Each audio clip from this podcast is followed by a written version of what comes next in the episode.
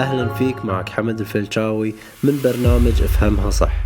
طريقك للثراء يعتمد على مدى قوتك في التحرر من عدة مفاهيم ومعتقدات. ممكن تكون كسبتها من المجتمع أو اعتقدت أنها راح تضيف لك في مسيرتك إلى الثراء. بس لو قلت لك إن هذه هي أهم المعيقات اللي لو تخلص منها راح تحس إن اكتسابك للمال وايد أسهل. وأول واحدة فيهم اللي هي لا تفكر بعقلية الندرة.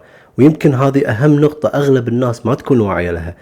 واللي هي لو شخص امتلك ثروة كبيرة فراح تتأثر ثروتك أو راح تحس بخطر أنه ما راح يتوفر لك مثل هذه الثروة. وفي الحقيقة الكون فيه ثروات ما تنتهي.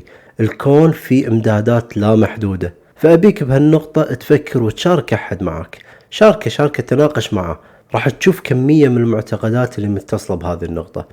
ثاني شغلة وقف عن عدم تقديرك لذاتك. دائما أردد هذا الشيء حق عملائي أو في الندوات أو المحاضرات بخصوص أنهم ما يقدرون يحصلون على المال. كل اللي لازم تسويه أنك تآمن بنفسك وبقدراتك.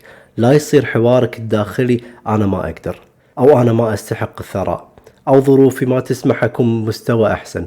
الكون يتعامل معاك بناء على نظرتك لنفسك مو نظرة الناس لك وعلى أساسها يجذب لحياتك الثراء. ثالث شغلة وقف عن مقاومتك للثراء.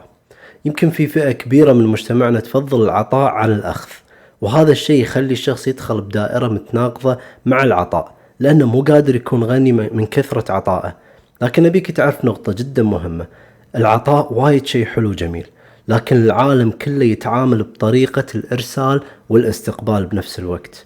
ولو عشت حياتك بس تعطي وما تطلب مقابل راح تحس بعد فترة إنه ما في تقدير لعطائك لأنه صار بطريقة ما تتماشى مع إنسانيتك واحتياجاتك. عط لكن استقبل. قدم حب مساعدة أو حتى دعم. لكن لابد إنه يكون له مردود عشان تدخل في دائرة الثراء. وتذكر الحياة ما تمنعك من الثراء.